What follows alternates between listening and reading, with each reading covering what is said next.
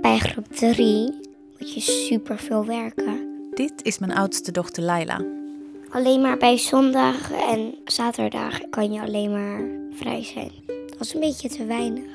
Dan ben je bijna je hele leven aan het werken. Sinds ik kinderen heb die naar de crash gaan en naar school, is Nederland een vreemd land voor me geworden. Een land waar ik met verbazing naar kijk. En waardoor ik ben gaan twijfelen of ik niet terug moet naar Zweden, waar ik vandaan kom. Het land van uitgestrekte bossen, duizenden meren en natuur. Er is slechts één probleem. Je weet toch dat ik er soort angst- en paniekaanvallen van krijg van die gedachten. Mijn man is niet echt een avonturier. Sleetje rijden vind ik eigenlijk al te avontuurlijk. Hij is bang dat hij in Zweden ongelukkig wordt. Ik wil gewoon een hele kleine sneeuwpop bouwen en weer terug naar binnen. Zo ben ik gewoon. En zelf twijfel ik ook.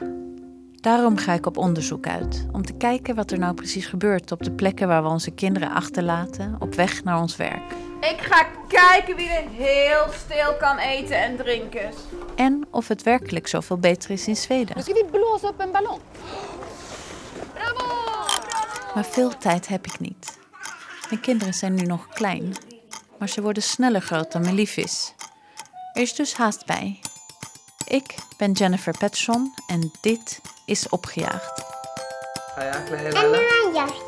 Ja, nu moeten we gaan. Een serie met een genuanceerde blik op het Nederlands schoolsysteem. Wat vind je van het Nederlands kleuteronderwijs? Dramatisch. Ik had een, een dag gedraaid. Soms dacht ik van ik heb het overleefd vandaag. En de Nederlandse crashes. Maar een baby, die ligt daar maar. En als er drie tegelijk huilen, dan is er gewoon niemand om dat kind op te pakken en te troosten. Een serie waar ik mijn eigen gezin al twee jaar voor volg. Reken en wiskunde. Kan ik dat goed? En waar ik het land voor doortrek met een best grote microfoon. Hallo? Ja, nou, je haalt iets wat eh, spontaniteit eh, uit dit gesprek.